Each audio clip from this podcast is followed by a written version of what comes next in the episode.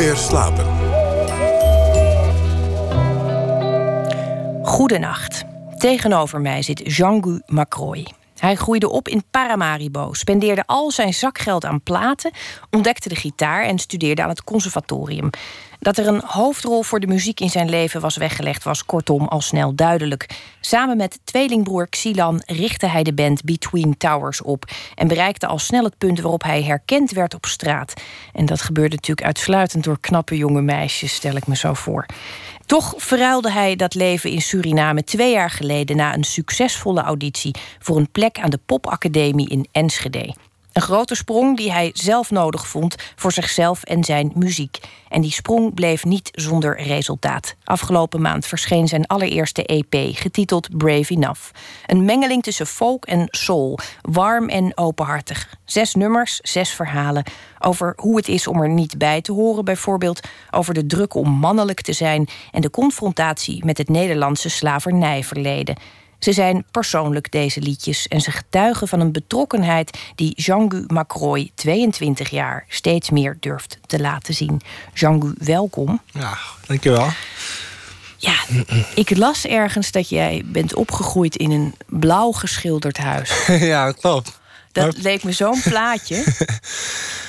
ja, het was. Uh, voor mij was het tot mijn achtste was het nog een wit huis. Maar toen van mijn moeder, nee, ik moet een andere kleur. En toen werd het blauw. En toen werd het uh, het blauwe, grote blauwe huis waar ik, waar ik ben opgegroeid. Ja, daar moet vroeg of laat natuurlijk ook nog een liedje van komen. Denk ja, ik. ja, eigenlijk wel. Het vraagt wel om de Big Blue House. en jullie hadden uh, daar ook uh, ruimte, want er werd gevoetbald, er waren kippen. En uh, was het echt zo'n was het echt zo paradijselijk? Volgens mij er waren vroeger kippen, ja, maar niet toen, toen ik een kind was niet meer. Maar um, ja, een groot voetbalveld tegenover ons huis. En daar hebben we ook heel vaak gespeeld. Um, ja, het was gewoon heel fijn om zoveel ruimte te hebben voor jezelf als kind, weet je. Ja.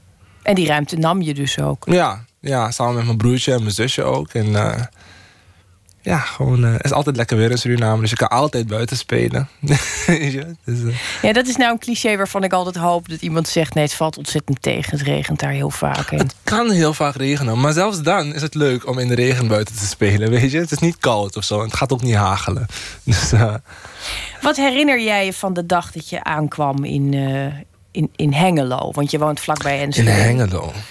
Kun je dat herinneren wat je eerste indrukken waren? Ja, het ging allemaal heel snel. Ik, ik ben eerst uh, bij mijn grootouders in Amsterdam geweest een nachtje. En toen ben ik dus doorgegaan naar Hengelo. Het was heel spannend. Het was... Uh, dat hele ding komen naar Nederland was een sprong in het diepe. En het was meer van, oké, ik moet het gewoon doen. Het was, het was meer een soort, uh, een soort survival mode eigenlijk. Van, ik ga en ik ga doen. En niet te veel nadenken erbij. En toen kwam je eerst in Amsterdam. Ja. Het is nog een redelijk veilige landing. Amsterdam heb je toch wel een beetje een beeld bij. Ja. Wat was het beeld wat je van, van Hengelo dan had? Want daar kan ik me dan. Dat moet een heel exotische plek zijn geweest. Dat hadden ze misschien ook nooit verwacht te horen in Hengelo. Dat het nog eens een exotische plek. Maar als je daar geen beeld bij hebt, is het een ja. vreemde landing. Precies. Ik had, was, naar, was naar, naar in Amsterdam geweest. Klopt. Hengelo. Het, het, het, voelde, het, het, voelde wel. Ik weet niet meer precies wat, wat, wat ik ervan vond toen. Maar het, ik, het was wel een. Dat ik wel een fijne sfeer of zo. Gemoedelijk. Gemoedelijk, gemoedelijk, dat is het woord, ja. Gemoedelijk, dat is het woord. Dat kreeg ik erbij. En ik had al snel na een paar weken door van... oh, het is wel echt een rustige kleine plek. Maar op die, in die zin leek het dan ook wel weer een beetje op Paramaribo of zo. Suriname, het is ook niet super bevolkt of zo. Dus het is wel best rustig. Dus het is een beetje vergelijkbaar. En het avondleven, want dat lijkt mij altijd een heel groot verschil. Als je nou in, uit, een, uit een land komt waar het dus altijd lekker weer is... dan is er s'avonds altijd... Mensen gaan bij elkaar zitten, vertellen verhalen. Er is leven Ja. op straat. Ik kan Ja, me voorstellen dat het in Hengelo toch een beetje tegenviel. nou, uit, uitgaan naar Hengelo is wel leuker. Maar het, het is gewoon een ding eh, van Nederland. Een groot contrast met Suriname. In Suriname eh, op stap gaat, dan ga je, zoals je net zei, eigenlijk op straat. En dan hoef je niet per se ergens binnen te gaan. Je pakt gewoon met, met een paar vrienden de auto en een ijsbox met bier. En dan ga je langs de rivier zitten of langs de straat zitten. De kofferbak open en je gaat erin zitten. En dan heb je een gezellige avond op straat. Maar het is hier gewoon heel vaak heel koud. Dus ja, op straat zitten, dat is niet altijd fijn. Hier. Wat kwam je eigenlijk halen? Want jij ehm, deed het ontzettend goed daar. Je was uh, drukdoende aan het conservatorium. Ja. Het ging eigenlijk ook heel goed met uh, Between Towers, waar je met je broer uh, samen formatie vormt. Jullie werden herkend, ik vertelde het net al. Waren het trouwens altijd mooie jonge meisjes? Of waren het ook gewoon hele blije, enthousiaste grootmoeders? Ja, gewoon van, ja, wel vaak van jonge meisjes. En dan was wel zo leuk te horen dat, dat, dat, dat ze dan zeiden: Oh, jullie, jullie inspireren me. En dan echt, dat vind ik echt een van de leukste dingen om te horen. Maar het was eigenlijk van, van, van ja, iedereen. Uh, verschillende mensen. Die dan uh, zeiden: van, Oh, we zijn jullie die twee jongens die zingen? En ik zag ja. En toch maak je dan zo'n grote sprong. Ja. Wat, wat, wat kwam je zoeken in, uh, in Enschede, aan de Artes Academie? Ik wilde iets anders. En het was een soort gevoel van binnen dat het dat jaar moest gebeuren. En dat ik mezelf wilde komen meten aan de muziekindustrie hier. Weet je, want ik, in Suriname hadden we wel een aantal dingen gedaan. En um, toffe dingen gedaan in Suriname. Op een gegeven moment denk je van, maar oké, als ik naar Nederland zou gaan of ergens anders heen zou gaan, hoe zou ik het dan, zou het dan ook zo goed gaan? Of weet je, hoe, where do I stand? Weet je, hoe, en dat, dat, dat wilde ik gewoon. En sowieso voor mijn ontwikkeling. Um, ik studeerde aan het conservatorium. Maar ik kon daar geen songwriting doen. En ik ben wel echt een artiest en ik, uh, die ervan houdt om mijn eigen ding te creëren. En uh, ben dus op zoek gegaan naar een school waar ik dat kon doen. En dan was in uh, Enschede. Was mijn eerste keuze op een of andere manier. Instinctief gekozen voor het gemoedelijke. Jij bent dus de helft van een tweeling heb ik al een paar keer gezegd. De vraag is dan altijd: wie was de oudste? Wie was er eerst? Ik ben de oudste. Zie je, dat dacht ik dus al. nee, ik heb daar de hele week eh, over nagedacht. Ik had het er zelfs nog met een collega over. Zou die nou de oudste zijn? Ja, wij dachten allebei van wel. Ja. Want de oudste is ook vaak dan degene die die, die de breuk veroorzaakt. Die dus de eerste keer zegt: Ik moet nu mijn eigen weg of ik moet nu even een tijdje. Die is toch, ja, het schijnt toch heel diep te zitten, ook bij tweelingen, dat er wel altijd iemand. Uh... Ja, ja, dan, ja, ik wist niet dat het over het algemeen zo was, maar uh, ik had wel ook. Uh, ik wilde ook wel even mijn eigen ding gaan doen. Mijn tweelingbroer, weet je, we hebben dezelfde interesses. En vinden dezelfde dingen leuk, hebben altijd alles samen gedaan. Maar op een gegeven moment word je een soort eenheid en ziet iedereen je ook als een soort eenheid en niet als twee verschillende personen. En toen ik hier naartoe ben gekomen, heb ik dus wel, doordat ik voor het eerst alleen was en zelf dingen moest gaan doen, eigenlijk mezelf ontdekt. En dat is voor mij ook in mijn muziek um, naar buiten gekomen. Het is persoonlijker in ieder geval. Ja. En je. Um... Vanuit mijn perspectief. Ja, want de cultuurshock is er natuurlijk ook. Je komt, uh, je komt in Nederland. Je gaat ineens merken dat je huidskleur hier opvalt. Dat doet het gewoon nog steeds. Kunnen, we, mhm. kunnen we vaststellen. Je gaat ook uh, als, als buitenstaander kijken naar een wereld waar je wel en niet deel van uitmaakt. Wat, wat waren dingen die jou uh, opvielen en, en die ook in je muziek bijvoorbeeld een rol gingen spelen? Nou, ten eerste, eh, er is een heel groot. Qua, qua welvaart is er een heel groot verschil met hier, het, het Westen, Europa en Suriname, waar ik vandaan kom. Uh, ook, ik wist het eigenlijk al van, van op vakantie komen in Nederland, dat heb ik wel vaker gedaan. Maar als je hier woont en je merkt, ja, er zijn gewoon heel veel dingen die, die wel voor elkaar zijn. En um, ik vond het een hele grote confrontatie om dat te merken. Omdat ik weet dat die, die welvaart, dat het ergens vandaan kom, komt en dat het ergens op gebaseerd is. En dat is het liefst iets waar wij het niet over hebben. Ja, er wordt wel minder over gesproken hier. Merk ik. Of... Maar dan, dan moet je dus, uh, want dan gaat het over het slavernijverleden van Nederland. Dan moet je dat op de een of andere manier als een thema oppakken dat is natuurlijk een heel gevoelig punt. Mhm. Altijd. Want er zijn, nou ja. ja. En dan ben, je, dan ben je ook nog eens een keer de, buitenstaander die daar weer over moet beginnen. ja, precies. Het is geen dankbare rol op zich. Nee. Maar. Uh, en als ik dan kijk naar uh, het nummer Gold, dus dat ik heb geschreven. Um, ik, ik, ik twijfelde of ik het op de EP wilde omdat ik dacht van, het is wel een, een echt een statement. En, en, en, en, en, een soort van aanklacht, weet je. Ik ben geen boos persoon, maar het is wel een soort van aanklacht. En, en, direct voorgekomen uit hoe ik me voelde hier als buitenstaander. Um, maar ik was wel geïnspireerd door Nina Simone. Ik had de documentaire Nina uh, What Happened Miss Simone gezien. En die, zegt altijd, die zei altijd that it's an artist's duty to reflect the times we live in. En toen dacht ik, ja, als ik als, ik als artiest eh, iets aan het licht wil brengen, dan kan ik het op de beste manier doen in mijn muziek. En het is persoonlijk. Dat, het is heel, ja, het is wel persoonlijk. Dat maakt het ook dat maakt het anders, uh, denk ik, omdat je ook reflecteert op wat jou opviel en overkwam. Ja, Wil je voor ons een uh, liedje spelen? Ja, zeker. Ja. Je gitaar staat klaar het komt bijna nooit voor dat we. En het komt zeker bijna nooit voor dat ik een privéconcert krijg.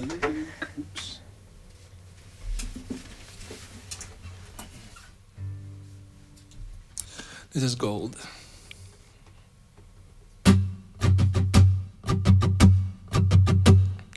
Gold, gold.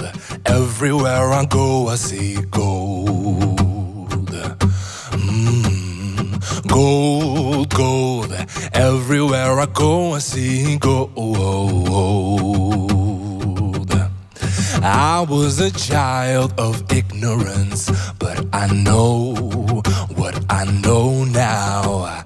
I opened my eyes to what I've seen before, to what I knew before, cause it was written in the black clay soil with the blood of our sisters and brothers and mothers and fathers, unholy sacrifices for coffee, sugar, and gold, gold. Everywhere I go, I see gold.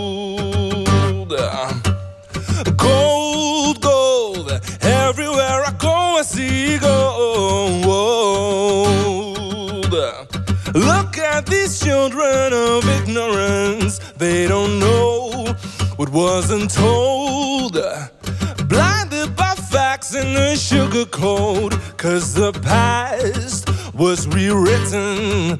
Telling stories of heroes and glory in a new world. Singing songs about the age of coffee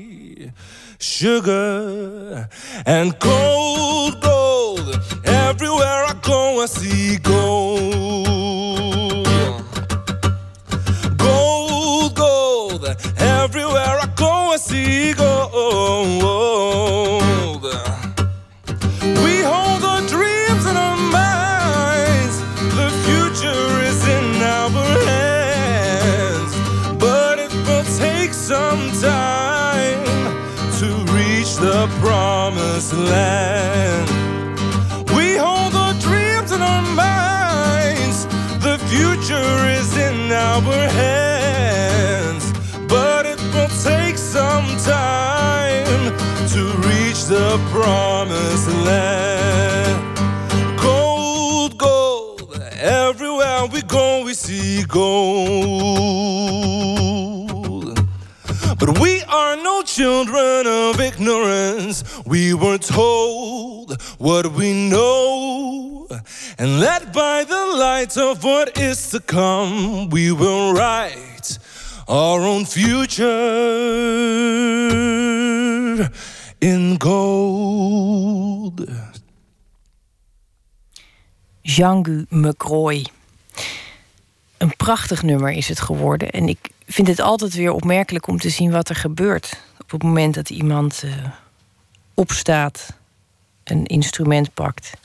En eigenlijk dan pas tot leven komt. Je hele gezicht. Alles verandert op dat moment.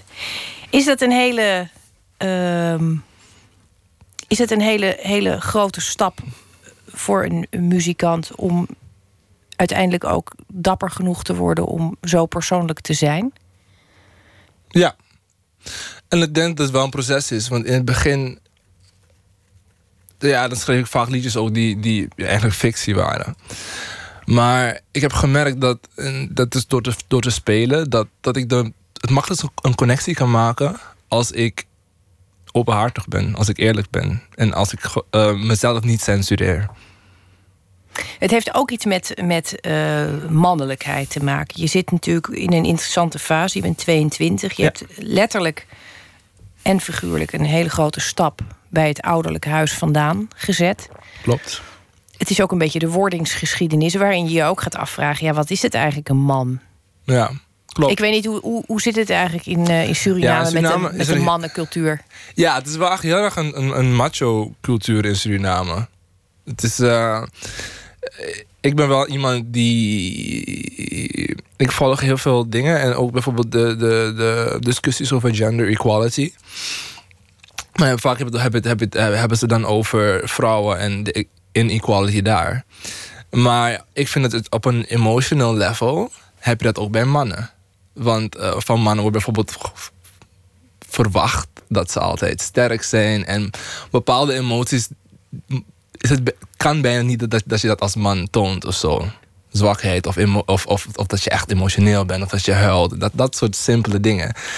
Maar ik vind wel dat, dat, dat, dat, elk mens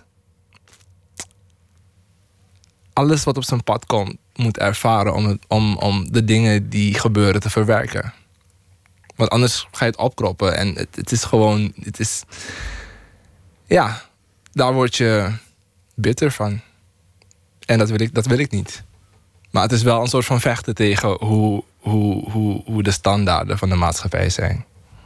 En, en merk je daarin een verschuiving? Want uh, bedoel, je bent nu ver van huis. Je, je moeder komt wel eens over. Die gaat dan ook weer weg. Dat zijn toch altijd. bedoel, ja, als ik mijn moeder een tijd niet zie en, en ze is er en ze gaat weer weg, dan, dan, dan, dan doet me dat. Ja, zeker. Ik had er anderhalf jaar niet gezien. En ze was voor de EP-release uh, uh, naar Nederland gekomen. Um, maar ja, toen ging ze natuurlijk weer weg, want uh, voor het werk. En mijn zusje woont nog daar. Is gewoon, ja, ze woont in Suriname. En dan, uh, ja, het is wel moeilijk of zo. Um, en dan merk je nog wel, sta je op Schiphol, weet je, moet je afscheid nemen, heb je een brok in je keel. En dan, dan denk ik zo van, nee, ik, ik, ik wil niet, ik huilen nu of zo. Want ik, het, is toch, het is toch wel eng om je zo kwetsbaar op te stellen. Dus het is een soort van, uh, het is een ongoing battle. En lukt het je in je muziek, denk je, beter dan in het echt? Dan in het echte leven? Ik denk het wel.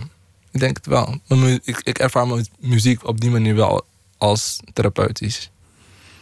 Nou ja, ik, ik zei dat net niet voor niks. Ik zag een hele andere man zodra je ging zitten mhm. en die gitaar pakte. Je, je, hebt ook een ongelooflijk diepe stem. Daar valt je jeugd ook helemaal weg. Van mijn jeugd ook helemaal weg. Ja, dan, Kun je, dan kun je 22 zijn. Maar met zo'n. Ja, het is ook een stem waar, waar, waar heel veel eeuwen in doorklinken. En zeker bij, bij dat nummer mhm. specifiek. Die muziek, ehm, je hebt dat natuurlijk niet alleen gedaan. Je bent. Uh, eigenlijk ook een beetje ges gescout of opgevallen in positieve zin. Klopt. Um, Perquisite, ook geen uh, onbekende naam in de muziekwereld, producer, die, um, die kwam jou tegen. Hoe ging die eerste ontmoeting? In welke setting was dat? Um, het was op de Popacademie uh, in Enschede dus. elk jaar worden er audities georganiseerd. En niet per se om ergens aan mee te doen, maar meer dat ze professionals halen naar de school, die dan de studenten uh, feedback geven. Dus je speelt dan twee liedjes voor een panel en dan zeggen ze wat ze ervan vonden. En uh, ja, Perquisite zat dus in een panel waar ik voor heb gespeeld. En uh, sowieso was de feedback op die dag ook wel positief, was ik wel blij om. Um, twee weken daarna stuurde mij een berichtje via Facebook van... hey, ik vond het tof die dag en ik, heb, het, ik, heb, ik heb het onthouden. ik ben benieuwd wat je plannen zijn voor de toekomst. Wil je een keertje afspreken, koffie drinken? Dat hebben we dus gedaan, afgesproken bij hem in de studio Amsterdam. En uh, ik heb best zo'n beetje alle liedjes die ik van mezelf had op dat moment voor hem gespeeld. En die vond het tof. En toen hebben we een afspraak gemaakt voor de eerste studiodag.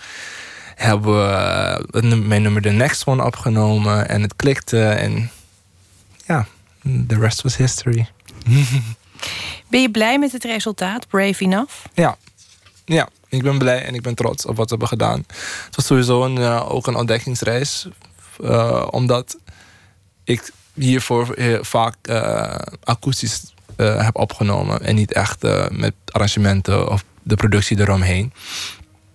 Maar dat was wel echt super leuk om te doen. En, en heel, heel inspirerend ook hoe, hoe onze beide creatieve geesten bij elkaar kwamen en, en wat het product daar, dan daarvan was. Het is wel een ontzettend vertrouwensproces, kan ik me voorstellen. Want iemand gaat zich er echt, gaat echt aan jouw spul ja, zitten. Ja, ik, ik, ja ik, sowieso vertrouwde ik hem. Weet je, ik, ik, ik, ik, ik, ik, ik, ik hoorde de muziek die hij al had gemaakt. dacht ik van ja, ik, ik denk dat gebaseerd hierop... dat ik wel vertrouwen erin heb dat er iets goeds uitkomt. En uh, ja. Nou, dat vertrouwen is volgens mij uh, tot nu toe uh, volkomen terecht gebleken. Hij wordt heel goed opgepakt. Ja. Ik vond het ontzettend fijn dat je er was. Brave Enough heet de EP die uit is. En het liedje wat je speelde heet Gold. Dank je wel en ik wens je ontzettend veel goeds. Jij ook bedankt. Op maandag 9 mei wordt de Libris Literatuurprijs uitgereikt. De winnaar is die avond te gast in Nooit meer slapen. En iedere nacht laten we een ambassadeur aan het woord die zijn favoriete boek aanprijst. Vannacht de laatste in de rij. U hoort Thomas Rozenboom over De Onervarene van Joke van Leeuwen.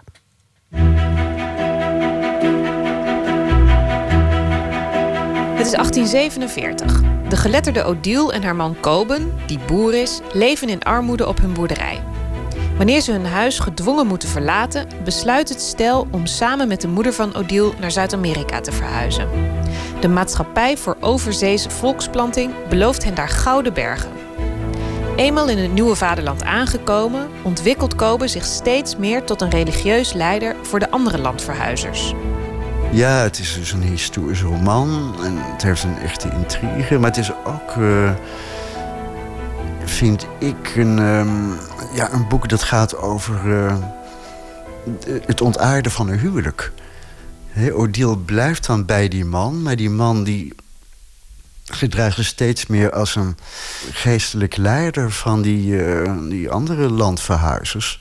En ze komen dan terecht in een heel ja, pover dorpje. Alles valt tegen. En die vruchtbare akkers die hun waren beloofd... dat zijn uh, rotsige veldjes met rotsblokken erop als puisten. Dit is ook een boek met heel veel uh, prachtige beeldspraak. Laconiek van stijl, maar wel geladeerd met hele mooie beeldspraak. Het boek laat zien hoe migranten omgaan met de onzekerheden... waar ze in een nieuw land mee te maken krijgen. Ja, die, die Koben je krijgt nou misschien de indruk dat dat een man is met heel veel zekerheden, religieuze zekerheden en zekerheden over zijn eigen leiderschap. Maar die zekerheid komt eigenlijk ook voort uit een soort onzekerheid of minderwaardigheidscomplex zelfs. Want die Odile die kan lezen, die komt daar bij hem in huis als uh, ja, huishoudster. En Odile denkt, nou, dan ga ik mijn man uh, ook leren lezen. En die man die laat zich dan een paar lessen geven. Maar dat ervaart hij als zoiets vernederends. Dat hij dan al gauw zegt van... ach, die boekenwijsheid. En jij wist niet eens dat een aardappel onder de grond groeit, weet je wel. En uh, ja, dus dat is eigenlijk een onzekere man. En gaande het boek ook. Altijd als hij geconfronteerd wordt met hoe handig het is om te kunnen lezen. Of die uh, moeder van Odile, die leert tijdens die overtocht naar Zuid-Amerika alvast die uh, verwachte vreemde taal. Ik denk Engels, maar dat, uh, Spaans, maar dat wordt ook niet met name genoemd. Dus die moeder die kan dan vertalen. En dat, dat maakt die Kobe ook zo woest. Die, die afhankelijkheid van, van anderen, van, vanuit die onzekerheid, denk ik. Hoewel het boek dus gaat over een actueel thema, migratie, denkt Thomas Roosboom niet dat het Joke van Leeuwens bedoeling was om een actueel boek te schrijven. Ja, ik weet niet of die onderwerpkeuze. of dat nou, nou een rol heeft gespeeld bij de onderwerpkeuze van uh, Joke van Leeuwen. Maar je kan het er natuurlijk wel inzien. Maar ja, wat ik eigenlijk een veel mooier en algemener thema vind in, in dit boek, De Onervaren, is dat iedereen eigenlijk uh, op de verkeerde plek terecht komt en toch wat van zijn leven probeert te maken. Die Odile die is in het verkeerde huwelijk terechtgekomen, maar probeert er toch iets van te maken. Eh, die moeder is ja, handwerksvrouw geworden, terwijl het eigenlijk ontwikkelde vrouw is. Ja, ja, en eh, uiteindelijk komen mensen ook in een land waar ze eigenlijk niet thuis horen en waar het moeilijk is. En dat, ja, dat is voor mij eigenlijk het belangrijkste thema. Dat gewoon op een verkeerde plaats terecht gekomen zijn en, en er toch wat van moeten maken.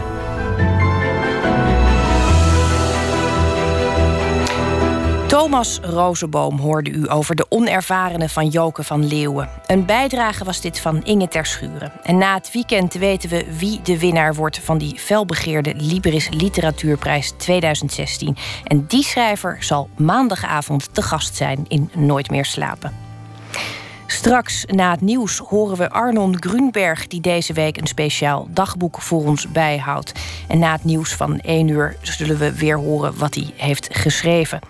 Ik vertel u nog even dat u Nooit meer slapen ook kunt podcasten, zodat u dit programma op elk gewenst moment kunt beluisteren. Dat geldt zowel voor de volle twee uur als voor de losse onderdelen. En hoe dat aan te pakken leest u op onze website vpro.nl-nooit meer slapen. We gaan straks nog open kaart spelen met Guus Jansen, componist. En daarover ehm, zult u dan alles te, te, horen krijgen. Over muziek, over composities. En natuurlijk over de vragen die hij uh, zichzelf gaat stellen onder mijn gezellige leiding. Ik hoop dat u blijft luisteren. Nu eerst het nieuws van 1 uur.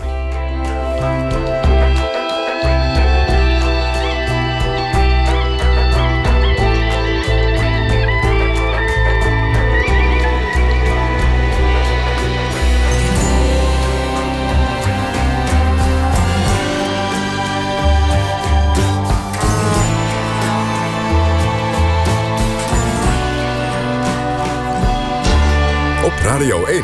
Het nieuws van alle kanten.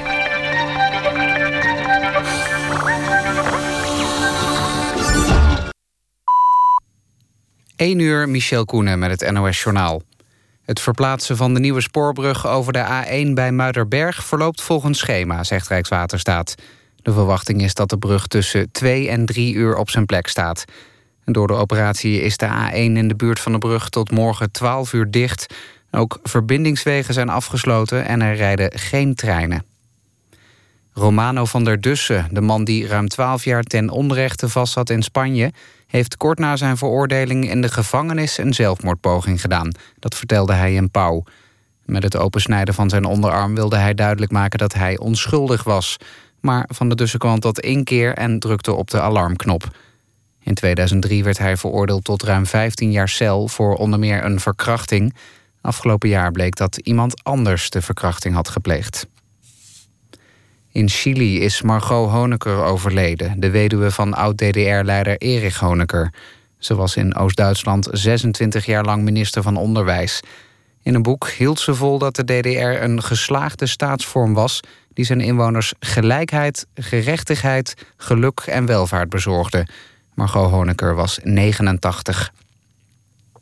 Sadiq Khan is de nieuwe burgemeester van Londen, melden Britse media. De officiële uitslag is nog niet bekend, maar hij zou meer stemmen hebben gekregen dan tegenstrever Goldsmith. Khan is de eerste islamitische burgemeester van een Europese hoofdstad. Hij neemt het stokje na acht jaar over van de populaire Boris Johnson. MVV en Almere City zijn een ronde verder in de play-offs voor een plek in de eredivisie. MVV won voor de tweede keer met 2-1 van Volendam. Almere won weer met 4-1 van Emmen. De MVV neemt het nu volgende week op tegen eredivisionist De Graafschap. Almere speelt tegen de uiteindelijke nummer 16 van de eredivisie... Willem II of Excelsior. Het weer. Het is helder en het koelt af naar een graad of 11. Overdag weer volop zon met maximaal 25 graden. Dit was het NOS Journaal. NPO Radio 1. VPRO. Nooit meer slapen.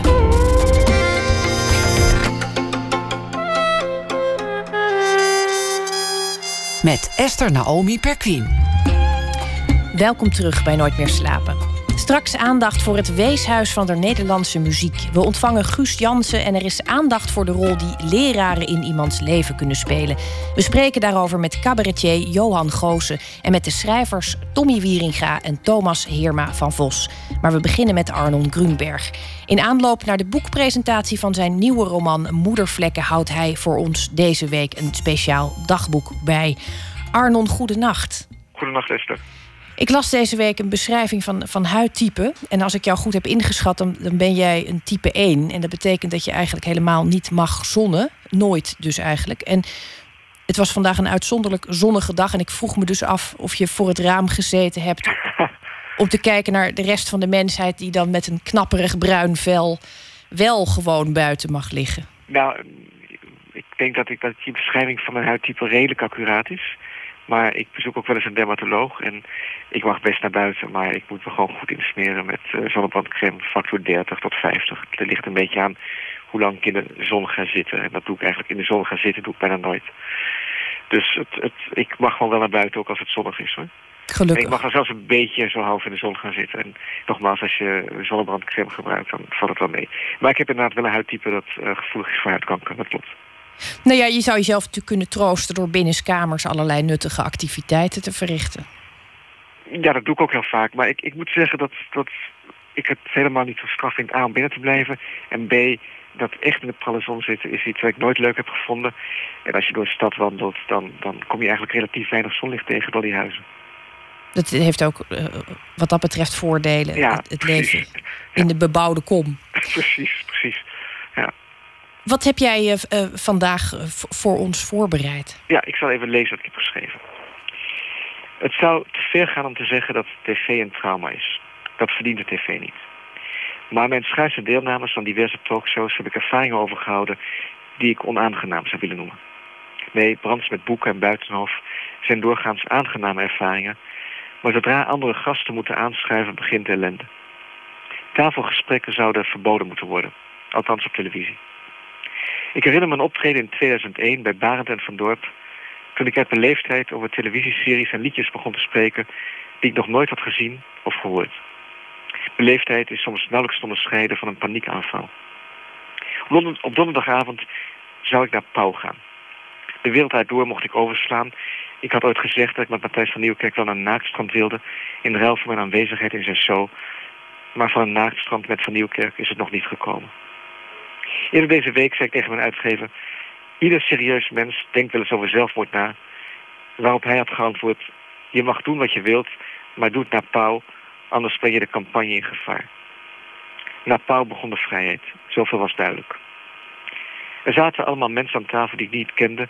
op Ali B. na. Daarom concentreerde ik me op hem. Na afloop was er drank en bitter garnituur... wat doorgaans veel goed maakt. Jeroen Pauw, Jeroen Pauw zelf stond als een verloren vogeltje tegen de muur gedrukt. Ik begreep dat dit voor niemand makkelijk was. Misschien was het een poging mijn eigen, zin, mijn eigen leven zin te geven, maar ik dacht, laat ik me de komende jaren maar over Jeroen Pauw ontfermen. Arnon, dank je wel. Graag gedaan. Ik, uh, ik hoop altijd dat een bitter garnituur uh, dan langer meegaat dan de gesprekken duren, zodat je uh, tijdig weg mag. Dus dat er eigenlijk Ja. een eindeloze, on- oneindige stroom bitterballen deze kant op komt. Dat, dat is een grote troost. En ik hoop ook altijd dat, dat als je in zo'n bal bijt, of in een vlammetje of in een loempiaatje, dat dan niet de helft van, van die inhoud van het balletje of loempiaatje over je hemd ruikt. Of nog erger over het hemd van een ander. Ik denk dat dat dan weer zou leiden tot een nieuwe paniekaanval, waardoor alles van voren af aan begint. Ja, dat, dat is ook. Je hebt in ieder geval dan wel wat om over te praten. Dat is ook weer een leuke bijkomstigheid. Ja, en het voordeel is, als alles van tevoren begint, valt dat helemaal niemand op die, die veel Nee, nee, televisie ook- kijkt. Ook, ook dat precies is. Dat klopt. We komen er wel uit, Ja. Arnon. Dat geloof ik ook. Heel erg bedankt voor je bijdrage deze week. En het boek Moedervlekken is inmiddels verschenen bij uitgeverij Lebowski. Graag gedaan. Goedenacht. Goedenacht. Dag Esther. Hier is de Britse zangeres PJ Harvey. Haar nieuwe album The Hope Six Demolition Project is geen makkelijke plaat, maar wel de moeite waard. Dit nummer bijvoorbeeld, The Orange Monkey.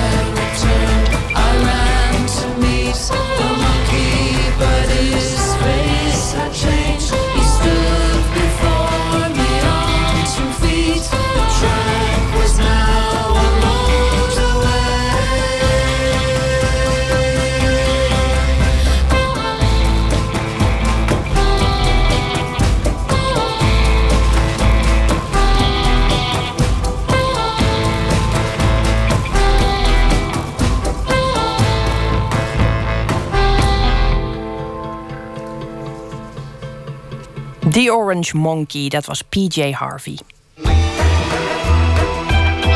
Nooit meer slapen. Het is geen geheim dat leraren een ongelooflijke invloed kunnen hebben op hun leerlingen. In positieve en negatieve zin en soms een leven lang. Volgende week verschijnt het boek De leraar die mijn leven veranderde. Met verhalen van schrijvers over de leraar die hun leven veranderde. Tjitske Musche verzamelde drie verhalen daaruit. Van cabaretier en schrijver Johan Goosens, van Thomas Heerma van Vos en van Tommy Wieringa. Die ze sprak via Skype omdat hij in het buitenland was voor een vakantie. Mijn naam is Tommy Wieringa en de leraar die mijn leven had moeten veranderen was Johannes Verhaven. John Verhaven voor Intimi. Die me uh, aanvankelijk echt betoverde. Wat een man is dit. Zo'n soort man, zo wil je worden. Verhaven die had zo'n ongelooflijke liefde voor sommige schrijvers en dichters. dat alleen dat al een, uh, een, een, indruk op je moest maken. Hij heeft mijn leven natuurlijk uh, veranderd en heeft mijn, mijn, mijn hij heeft me op het spoor gezet van, van een aantal schrijvers en dichters. Neskio herlees ik met regelmaat. En altijd denk ik aan hem. En altijd denk ik aan zijn ogen van kooltjes wanneer hij het las. Want hij, hij las niet per se voor om hij, hij bracht de liefde niet zachte hand bij, laat ik het zo zeggen. Hij had het liefst inderdaad met een, uh, met een uh, rijzweep ons de liefde voor, uh, voor dat soort literatuur bijgebracht. Maar geweld was toen al verboden, dus dat, dat mocht hij niet doen. Maar eigenlijk was dat zijn methode. De methode van een gewelddadige liefde. Verhaven en ik hebben een, hebben een problematische, uh, zijn, zijn problematisch begonnen. Tot mijn spijt, want uh, zo onder de indruk als ik van hem was, uh, zo ja, minachtte hij mij, geloof ik. Zijn verklaring voor het feit dat hij me minachtte, was er eigenlijk in gelegen dat hij dacht dat, hij, dat ik een dief was. Dat ik mijn werkstukken bij elkaar stal en ehm, zo een hoog cijfer hoopte te krijgen. In 2005 publiceerde ik uh, Joe Speedboat en toen presteerde hij het goddomme om een brief te schrijven waarin hij zei: Ja, dat je kan schrijven, kan ik nu wel zien. Maar bij de episode van het vliegtuig, want in dat boek stijgt op een gegeven moment een vliegtuig op die door een jongen is gebouwd. En uh, wat, wat, wat, wat helemaal niet kan, maar tegelijkertijd heel goed kan. Toen daarover, over die episode schreef hij dit letterlijk. Godverdomme, hij jat nog steeds. Want dat heeft hij uit memoriaal van het klooster van Saramago. En uh, nou had ik dat boek niet gelezen, maar toen hij me dat schreef, ja, ik was, ik was, toen was ik. Um, wel wat aangedaan, omdat ik, het is uh, werkelijk wat je ook doet. Ik zal het, het geloof van deze man zal ik nooit, nooit, nooit verkrijgen. Wat ik ook doe. Altijd zal hij iets vinden om het te verpesten. En uh, nou, daar hebben, we, hebben over gecorrespondeerd en dat is later wel. En toen heeft hij me, eh, omdat ik zei, ja, ik heb dat, ik heb dat hele verdomde boek van je niet gelezen, man, van die Saramago. Toen heeft hij het me wel opgestuurd. Met voorin een memootje met de hartelijke groeten. De erkenning zit hem er nu in dat hij wel eens opduikt bij, uh, bij voorleesavonden. Als ik in de provincie lees, dan duikt hij op achter in de zaal en stelt dan uh, grappige, min of meer polemische vragen. Um, we gaan min of meer vriendschappelijk met elkaar om, schrijven elkaar wel eens wat. Dus het is, die, die, die erkenning die is te laat. Dus die, daar zit ik ook niet meer zo op te wachten. Maar dat het een uh, bijzondere kerel is, in wiens gezelschap ik graag verkeer, ja, dat blijft zo. Maar uh, dat, dat had ik liever gehad toen ik 16, 17 was.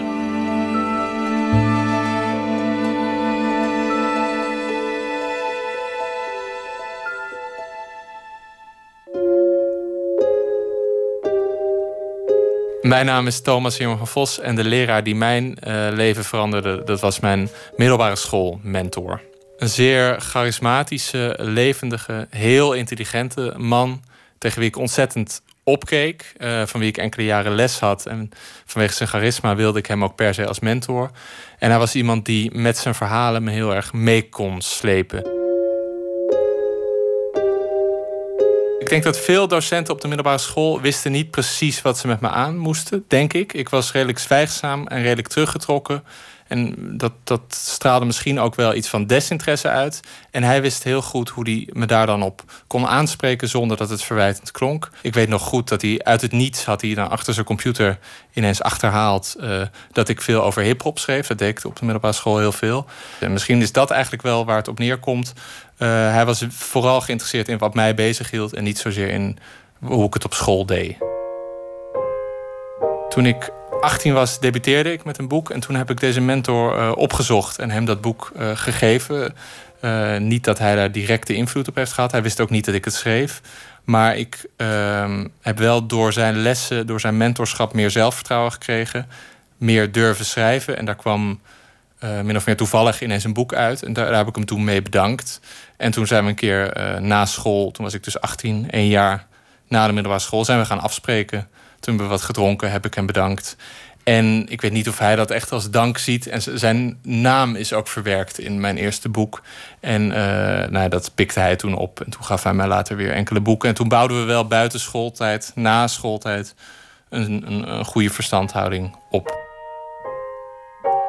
Maar wat heel vriendschappelijk en amicaal en, en warm begon, uh, kreeg een steeds vreemdere lading, omdat hij zijn geloof, hij was Jehovah's getuige, ook vroeg of laat in alle gesprekken die we voerden uh, wist te verwerken. Hij had dat heel vakkundig buiten het klaslokaal uh, gehouden. En nu zagen we elkaar als gelijken, gewoon op, in vrije tijd in cafés. En dan begon hij daar vroeg of laat over. En dan zei hij er wel steeds bij: Nou, je hoeft je niet direct mee bezig te houden. Maar goed, dan gaf hij me iets. En dan de keer dat we elkaar daarna, zat vaak maanden tussen, dat we elkaar weer zagen, begon hij er toch weer over. Vroeg hij of ik het had gelezen. Nou, dan zei ik meestal van niet. En dan voelde ik me natuurlijk weer schuldig. En had hij nog een boekje voor me. Begon hij er iets directer over de volgende keer. En zo, zo bouwde dat geleidelijk maar op. En uh, dat heeft enkele jaren geduurd. En ik voelde me eigenlijk steeds meer gevangen daarin. En ik durfde ook niet goed aan te geven wanneer ik wilde dat het ophield. En dat had er natuurlijk ook mee te maken dat iets van de oude machtsverhouding nog doorwerkte. Ik keek enorm naar hem op. Het bleef mijn mentor. Het was maar mijn voormalig mentor, maar ik bleef naar hem opkijken.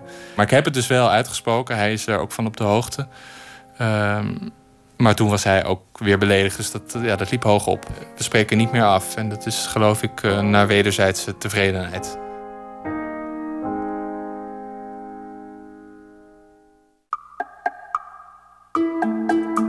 Ik ben Johan Gozens. Um, ik ben, ja, dan moet ik zeggen wat ik ben, hè? Schrijver, cabaretier eigenlijk. Ja. Ik schrijf een wekelijkse column in Parool. En uh, dat gaat soms over mijn uh, baan daarnaast. Ik geef les ook op een ROC in Amsterdam. En de lerares die mijn leven veranderde was, uh, was juffrouw Simone. Juffrouw Simone was altijd heel netjes. Dus ze had altijd zo'n rok aan, zo'n kokerrok... en dan daarboven een blouse of iets wits... of iets met bloemen of iets roods. Of, en, en altijd een sjaaltje om hals. Echt een geknoopt zakdoekje, zou ik maar zeggen. En ja, echt zo'n dametje. Zij heeft mij leren lezen en schrijven, eerlijk gezegd. Dus ik, ik, het, het, was in groep 4 kwam ik op die school en ik kon nog helemaal niet lezen en schrijven. Daarvoor had ik op een vrije school gezeten. Wat op zich heel leuk was en heel creatief. Maar ik had er niet echt leren lezen uh, of schrijven. En toen ging ik naar een andere school. En toen, de allereerste dag, zei die meester in groep 4... die zei van... Uh, en want we hadden ook een meester, hadden en haar en een meester. En die zei van, nou, jullie mogen een opstel schrijven... over een hobby, en mag een pagina zijn, misschien anderhalve pagina. Nou, succes. Uh, is er nog een vraag? En ik dacht, wat een opstel. Dus ik, ik stak mijn hand op zich. Ja, ik kan niet schrijven. Nou, ik begon ik begon meteen te huilen, want ik vond het heel gênant en pijnlijk. En, nou ja, en toen zei ik, kun je helemaal niks schrijven? Ik zeg, nou ja, zei ik, oh ja. Ik zeg, misschien kan ik repelsteeltje schrijven. Want dat was het enige woord wat ooit op het bord had gestaan op de vrije school. Repelsteeltje, het enige woord. Oh, nou, probeer maar. Nou, en toen kwam ik, ik kwam eigenlijk niet verder dan een repelsteeltje letter. En toen zei die, die meester wist ook niet wat hij met me aan moest. Zei hij, nou, ga maar naar juffrouw Simone. En uh, nou, die zat altijd te roken in haar uh, kantoortje. Het was een ongelofelijke tyfuszooi. Dus ze was heel netjes, maar ze was ook heel chaotisch. Dus haar hele bureau lag onder de papieren en uh, ongeopende rekeningen. En, en, een hele grote asbak stond daar. Dus dat ze hele dag dunhill sigaretten te roken. En toen zei ze: God, gaat het wel, Johan? Ik zei: Ja, nee, ik kan niet schrijven. Oh, oh.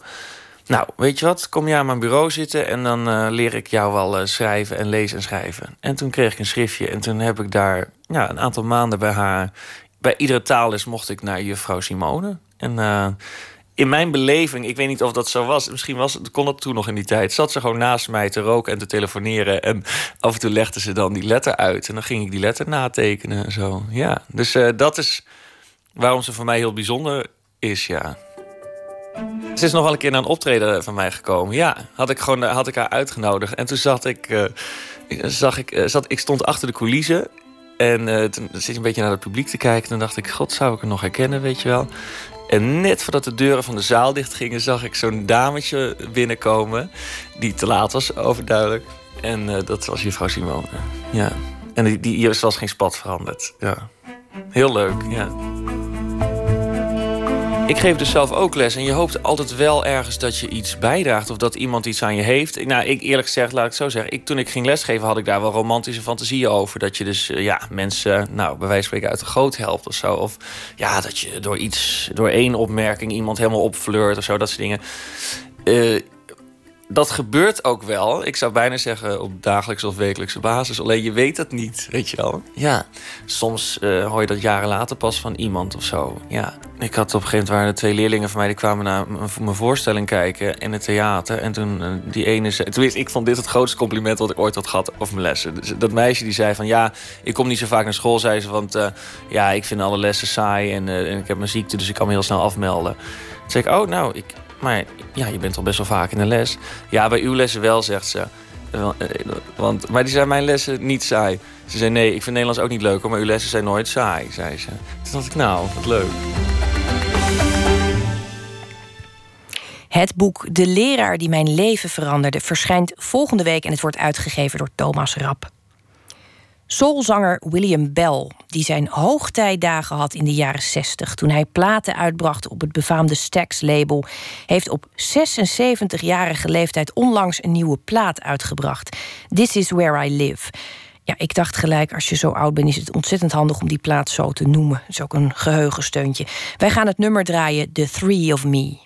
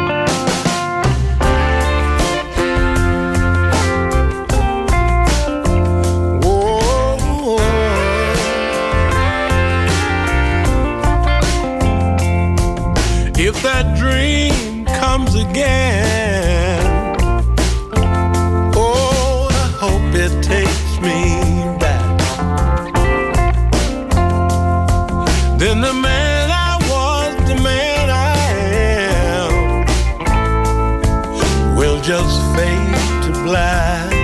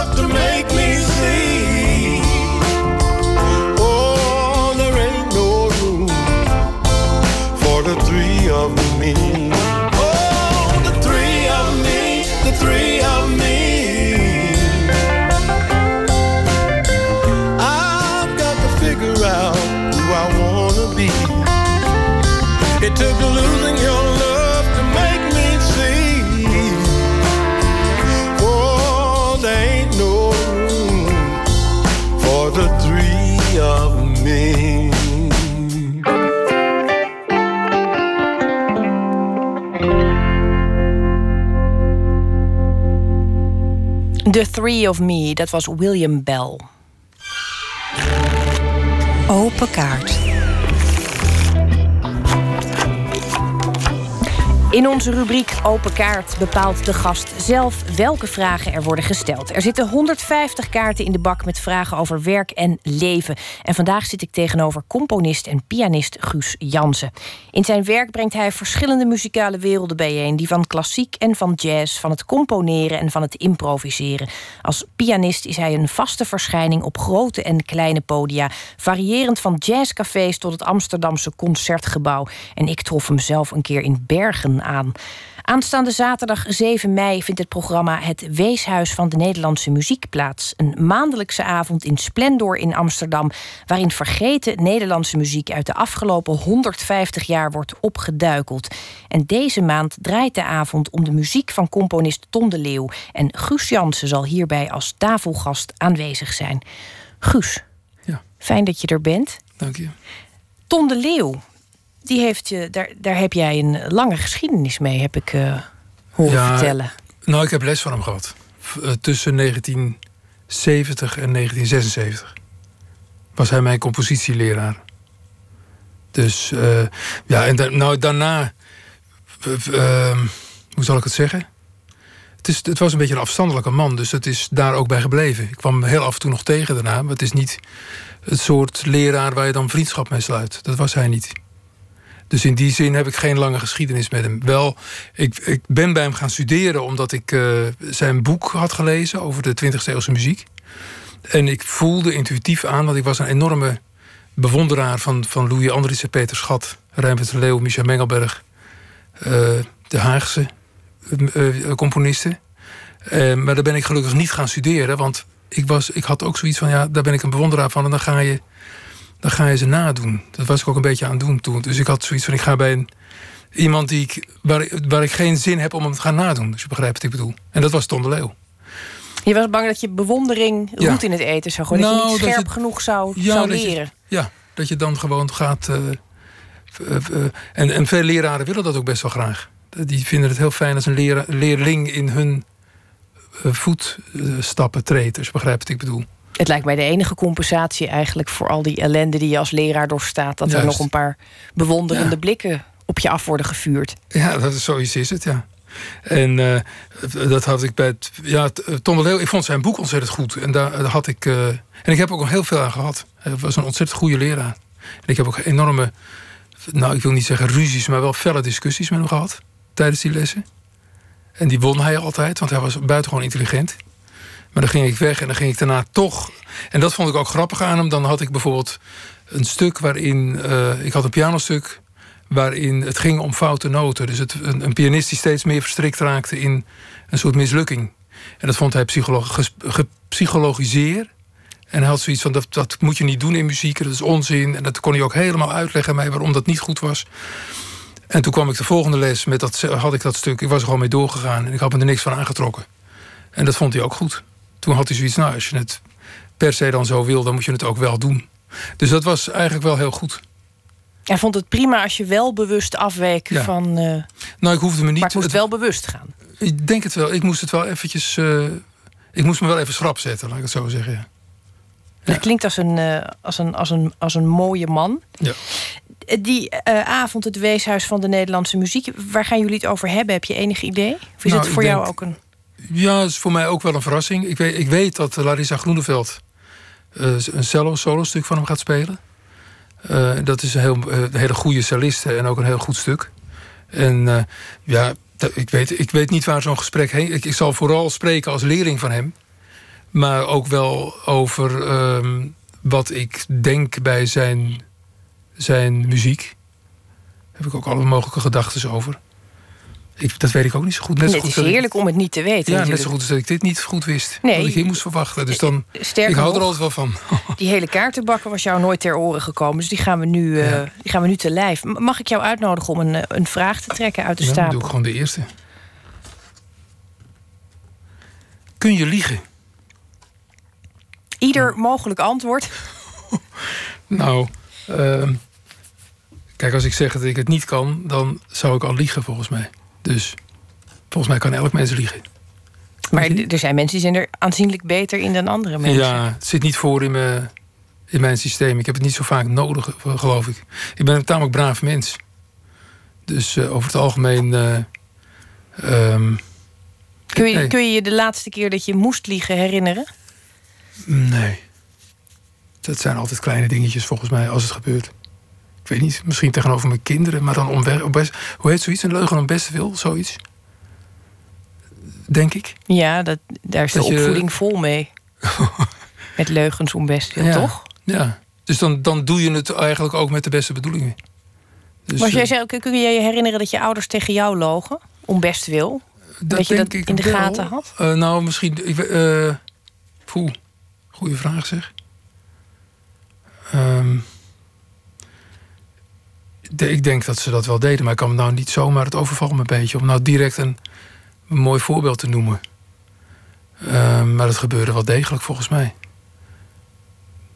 Ja.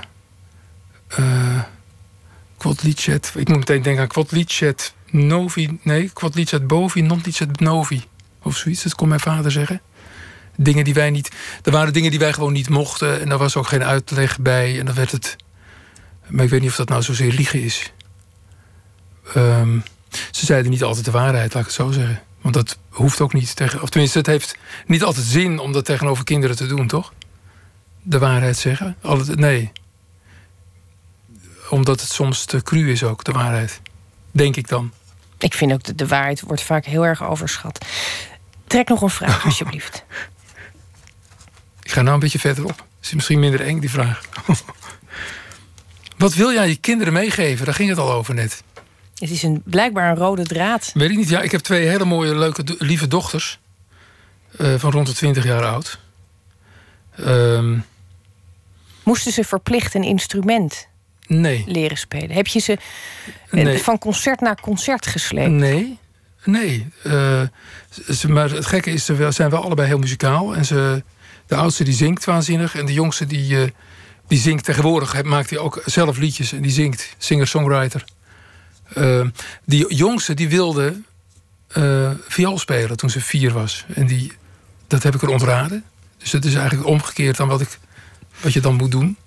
Ik heb uh, gezegd, heel gemeen... en dat was eigenlijk weer zo'n leugentje, eerlijk gezegd. Ik heb gezegd, als je mij nou een jaar lang telkens weer vraagt... of zegt van ik wil, ik wil het zo graag... dan gaan we het regelen. En dan mag je ook niet zomaar stoppen. Want ik vind, als je het gaat doen, moet je het ook even doen. En dat, ging, dat ging ze dus elke dag vragen. En toen heb, heb ik natuurlijk wel na een paar weken... dacht ik van nou, dat gaan we niet een jaar volhouden. Dan gaan we gewoon een, uh, een viool uh, regelen en dan ga je het gewoon doen. En ze heeft, geloof ik, iets van... nou, ik denk wel bijna tien jaar les gehad. En daarna is ze gestopt. Toen, maar zoals dat meestal gaat, dan zijn ze dient de puberteit gegaan. Maar het grappige is, als zij iets wil uitzoeken, muzikaal... dan probeert ze het op de piano. En, uh, er ligt er een gitaar. Probeert, maar uiteindelijk vindt ze het echt op de viool. Gek genoeg, nog steeds. Dan pakt ze die viool en dan weet ze waar het zit. Dat zijn wel mooie dingen. Dus dat, het, en dan denk ik ook van, dat hoor je ook wel eens, hè, dat, dat mensen dankbaar zijn dat hun ouders toch ook wel een zachte drang hebben uitgeoefend. Dat heb ik niet zozeer hoor, echt niet. Maar ik denk dat het ook niet fout is om het wel te doen eigenlijk.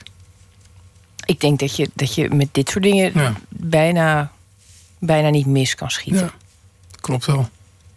En ze zijn, dat lijkt mij dus heel prettig. Ze zijn niet alleen je kinderen, maar jullie verstaan elkaar ook in de muziek. Jazeker, maar in heel veel andere dingen ook. Ik weet niet, ik ben geen. Uh, um, ja, hoe zal ik dat zeggen? Het is, ik vind dat wel lastig hoor, over jezelf zo te praten. Maar, want dan heb ik de neiging om te zeggen: ik ben geen autoritaire vader. Terwijl ik ook wel een ontzettend autoritaire figuur Tenminste, mensen denken dat vaak bij mij. Maar mijn kinderen denken dat helemaal niet, geloof ik. Die zien ook wel de, de, de gein achter het, uh, het geheel. Dus die, uh, het gaat, alles gaat in feite op uh, behoorlijk gelijk. ik, moet dan met, ik moet nu denken aan een oom. Van, mijn ouders die konden schande spreken van een oom en een tante van mij. Die altijd discussieerden met hun kinderen. En die ook, dat was dus de 60 jaar waar ik het nu over heb, van de vorige eeuw. En dan ging het over. Um, die konden hun kinderen dus op een gegeven moment ook gelijk geven over iets. Van de, gewoon aan de hand van, van motivering. Mijn ouders vonden het onzin. Die hadden zoiets van... eh, wat wij zeggen is de waarheid. En eh, die waren wat ouderwetser. Hè? En ik, moet, ik moest tijdens dat opvoeden van mijn kinderen... want dat is nu al zo'n beetje... Als ze twintig zijn, is dat zeker wel zo'n beetje klaar natuurlijk. Moet je hopen. Moest ik vaak aan die oom en die tante denken. Want dat, daar leek het erg op. Dat je dingen toch in, in, eh, in een gesprek... Je kwam je tot iets. En dan was het vaak helemaal niet zo dat ik van tevoren wist waar het uitkwam. Dat ging toch, hoe jong ze ook waren, dat ging toch in een soort samenspraak. Er was in ieder geval onderhandelingsruimte. Ja, zeker. Ja, zo autoritair was je inderdaad dan ook weer niet. Nee. Jammer. Moet je hopen. Ja, jammer hè. Gaat je imago. Nou, het is ook, eh, dan hebben die kinderen ook weer niks om tegenaan te schoppen. Dat is ook wel jammer. Dus ik weet het allemaal ook niet zo goed. Weet je wel, dat is natuurlijk ook nodig hè, dat je... Dat je Nou, niet ja, ze kunnen weet. wel. Ze zijn nu net. Kijk, want het, eh, mijn vrouw en ik hebben net. eh, wij hebben het huis verlaten in plaats van andersom. Eh, drie weken geleden. Dus de kinderen wonen nu nog thuis en wij zijn weg. En eh, dan zie je, ze gaan dus inrichten. En dat vind ik heel komisch. Dan gaan ze dus. Kijk, ik haalde toen ik twintig was de stoelen van de straat. Als, ik iets, als, er ergens iets stond op straat, nam ik dat mee naar huis. En zij gaan een bankstel kopen, weet je wel. Dat zijn toch. Vind ik interessante dingen. Dat zijn, het, het- het is, die generatieverschillen is toch wel een heel grappig onderwerp eigenlijk.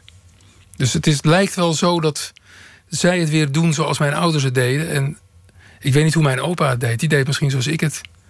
Ik weet het, dat zijn gekke dingen.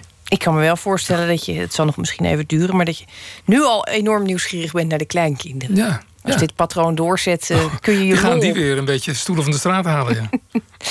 Wil je nog een laatste Ja. vraag trekken?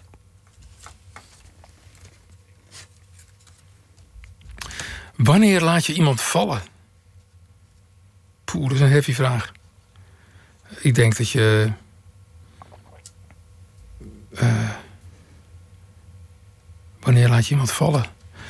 Ehm, er is wel veel voor nodig. Ik ben, van, ik ben heel loyaal. Dat is een beetje een nare eigenschap eigenlijk. Had mijn moeder ook.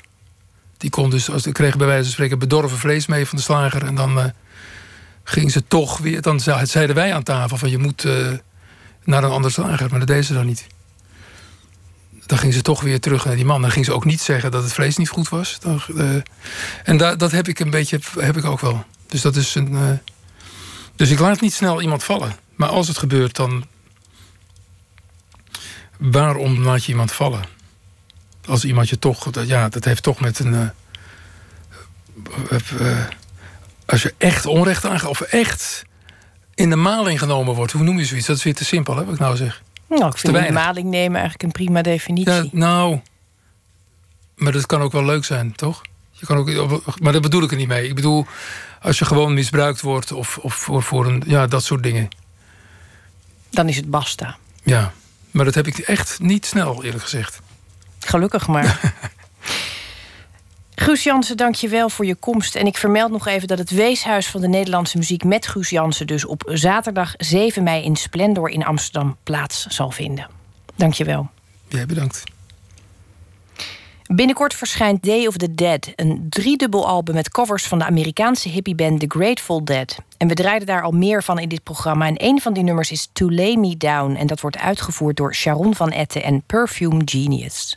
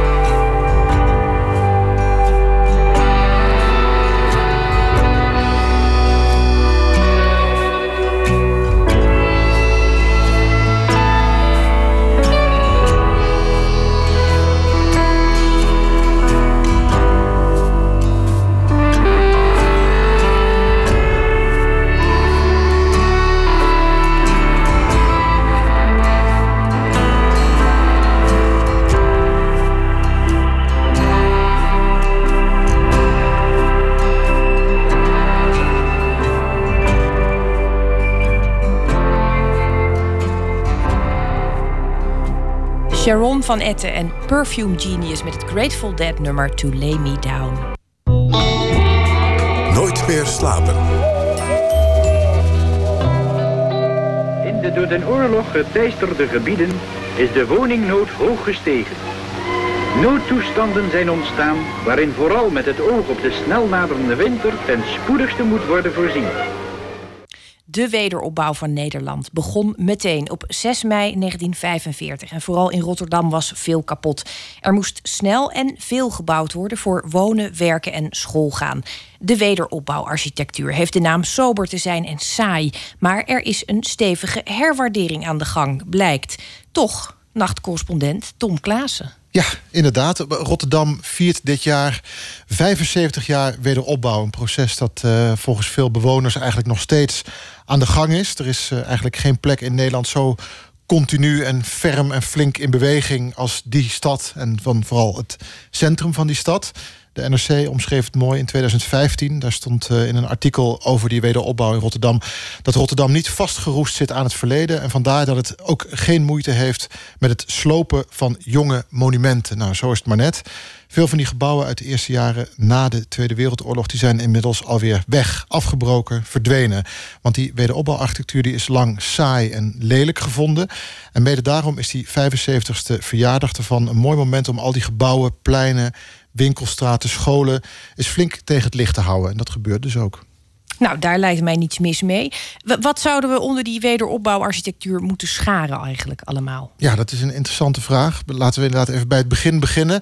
Want anders dan bijvoorbeeld Jugendstil of gotiek of barok of wat dan ook... is wederopbouw eigenlijk niet echt een genre-aanduiding. Het is eerder een aanduiding van een periode dan dat het een echt letterlijke architectuurstroming is. Er valt een enorme weerwar van stijlen onder. En architectuurhistoricus Wouter van Stiphout die legt het even uit. Nou, het, het, is een architectuur die bijna automatisch wordt uh, verbonden met, een, met collectiviteit. Het herstellen van de oorlogsschade, het maken van een nieuw Nederland. Dat, dat, dat geeft die architectuur bijna automatisch een soort voorsprong. Bijna het feit dat het in die tijd is gebouwd, uh, maakt dat je er uh, bepaalde verwachtingen van hebt. Want het gekke is, de wederopbouwarchitectuur is eigenlijk... je kunt niet zeggen van dat er een wederopbouwstijl is in, in, van de architectuur. Dus het zijn omstandigheden die, die het die naam hebben gegeven.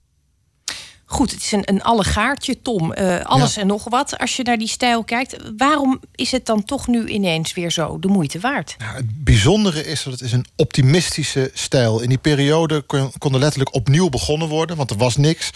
En Rotterdam was op dat moment eigenlijk een groot laboratorium... waarin we met z'n allen een nieuwe stad mochten gaan maken. Een stad voor de mensen, wordt wel gezegd. Vol gloednieuwe ideeën die in de jaren daarna wereldwijd navolging kregen. En dat resulteerde aan de ene kant in heel veel sobere en noodzakelijke woningbouw. Gewoon vierkante meters bouwen. Maar bijvoorbeeld ook in de lijnbaan. Het eerste winkelgebied alleen voor voetgangers. Of het groot handelsgebouw bij het Centraal Station. Dat zijn twee echte wederopbouwmonumenten in Rotterdam. En ondertussen werd in een stad als Middelburg de hele binnenstad herbouwd. In de stijl van de ideale middeleeuwse stad. Eigenlijk ook nep. En die historiserende bouw die zien we tegenwoordig heel veel. Hè? Nepkasteeltjes langs de snelweg. Maar voor die tijd was het volkomen nieuw.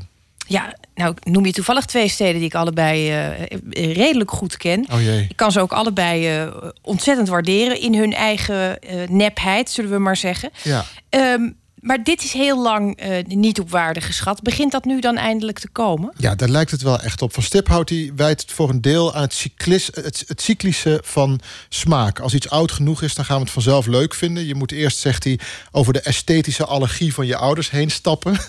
En dat resulteert nu in restauratieprojecten en nieuw oog voor oude gebouwen. Nou, op de site Vers Beton staat een mooi stuk over Krijvanger. En Krijvanger, dat was een wat minder bekend architectenbureau, maar kwantitatief de grootste bouwer van die tijd. Ze bouwden bijvoorbeeld de Doelen, heel veel winkelpanden, V&D, Peek en Kloppenburg. En op een wat frivolere manier dan andere bureaus. Niet alleen maar die vierkante meters maken, maar ook aandacht voor ornamentjes, kunstwerkjes, dat soort dingen. En dat zie je vanaf de tweede helft van de jaren 50 steeds meer. En gebouwen gaan volgens de architecten op die manier een symbiose aan met de omgeving. En met dat idee bouwt Kraaivanger nog steeds. David Hes is architect bij dat bureau. Een, gebouwontwerp heeft verschillende fases. Dat kan als volume moet het goed zijn. En dan ga je vervolgens kijken naar uh, eh, hoe gaan de plattegronden eruit zien? Hoe gaat de gevel eruit zien? Eh, maar ook die stap verder van hoe gaan we het nou echt uitdetailleren? Dus als je heel dicht op het gebouw staat, wat zie je dan? Die gelaagdheid van aandacht op verschillende schaalniveaus, die was er toen heel sterk en die hebben wij nog steeds hoog in het vaandel staan. Ja, Tom, dit gaat dus over de gebouwen. Je had het net al eerder over dat bouwen voor de mensen, zoals dat werd genoemd.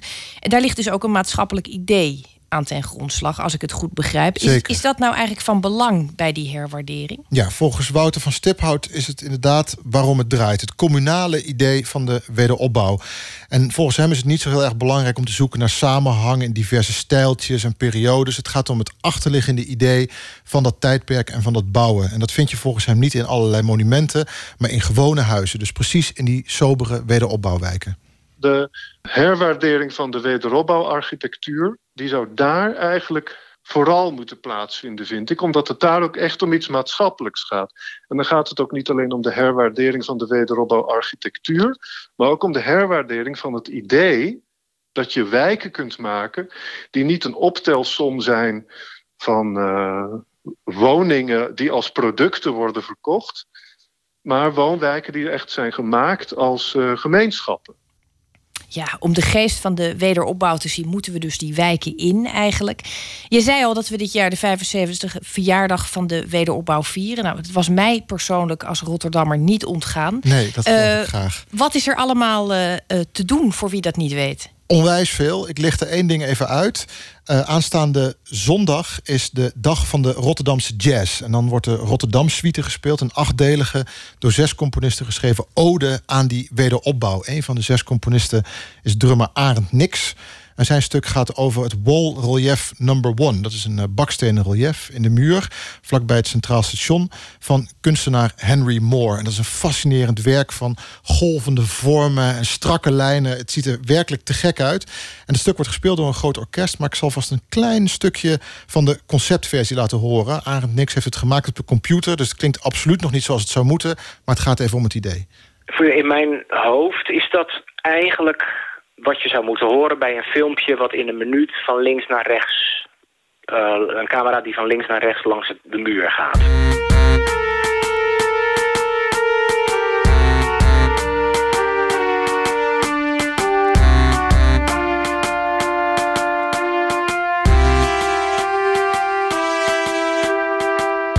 Ja, dit klinkt een beetje gek zo natuurlijk. Maar als je de echte orkestversie wil horen... dan moet je dus zondagmiddag naar de Dag van de Rotterdamse Jazz. Daar wordt die hele Rotterdam suite gespeeld. Natuurlijk, waar anders in de Doelen in Rotterdam. Prachtig. Dan zou ik zeggen, gooi er een stadswandeling achteraan... en verdwaal een beetje. Dat is altijd goed. Zo is het maar net. Goedenacht, dankjewel Tom. Goedenacht. Zijn echte naam is Ray Cuming, maar de Australische singer-songwriter kiest ervoor om zijn solomuziek onder de naam Ray X uit te brengen. En van zijn debuutalbum Dawn is dit het nummer Deliverance.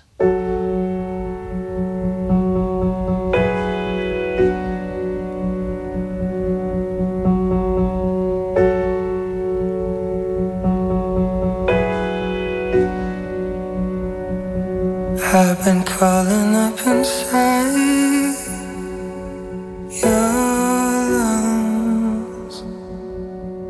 Healing up your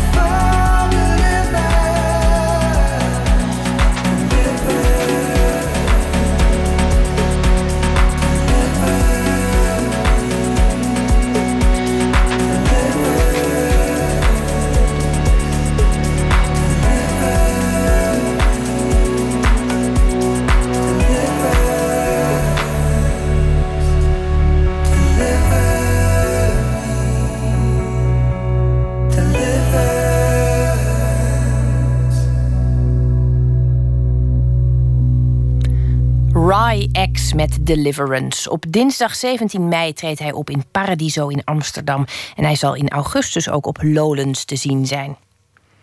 Wiljan van den Akker is dichter en schrijver en vormt naast zijn solo-publicaties samen met zijn vrouw Esther Jansma het schrijversduo Julian Winter.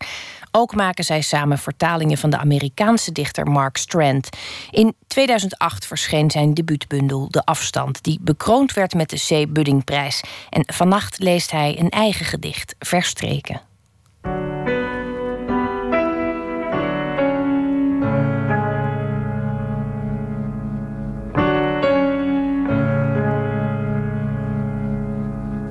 Ik lees het gedicht van mezelf uit mijn tweede bundel, Hersenpap.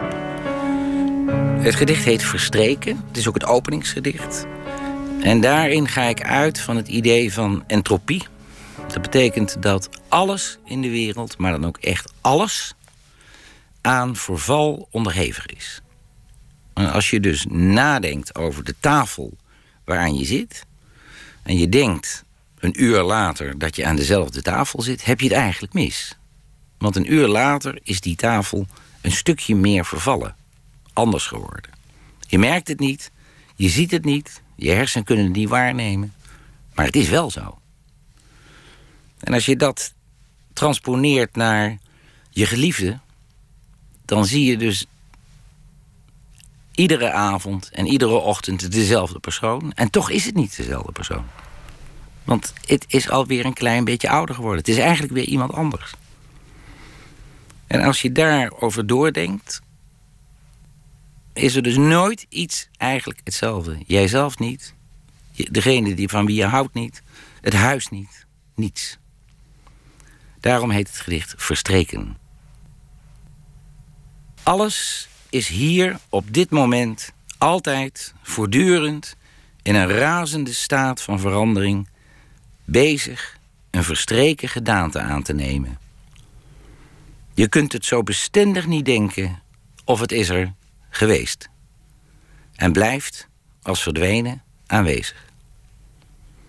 Avond aan avond komt een nieuwe geliefde, trouw aan het beeld waarmee je elkaar ochtends aan tafel hebt achtergelaten, weer thuis. Kijk, ze verschijnt aan het eind van de straat, zwaait als vanouds met een kersverse hand, herinner de warmte vooruit en kust je van ver al tot ziens op een andere mond bij het opstaan. Zo verwaaien we samen, duurzaam als klanken, blijven verdwijnen als muziek in de oren en wachten net zo lang op het slot tot we volledig afwezig zijn, om dan pas volmaakt in het niets uit één stuk te kunnen bestaan.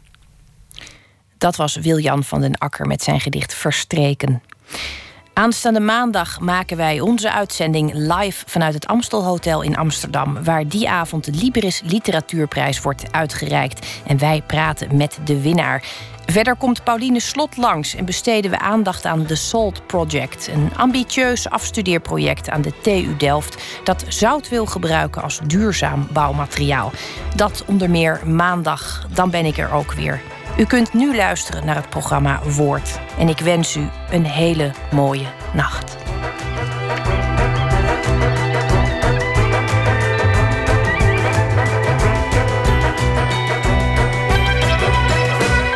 Op Radio 1, het nieuws van alle kanten.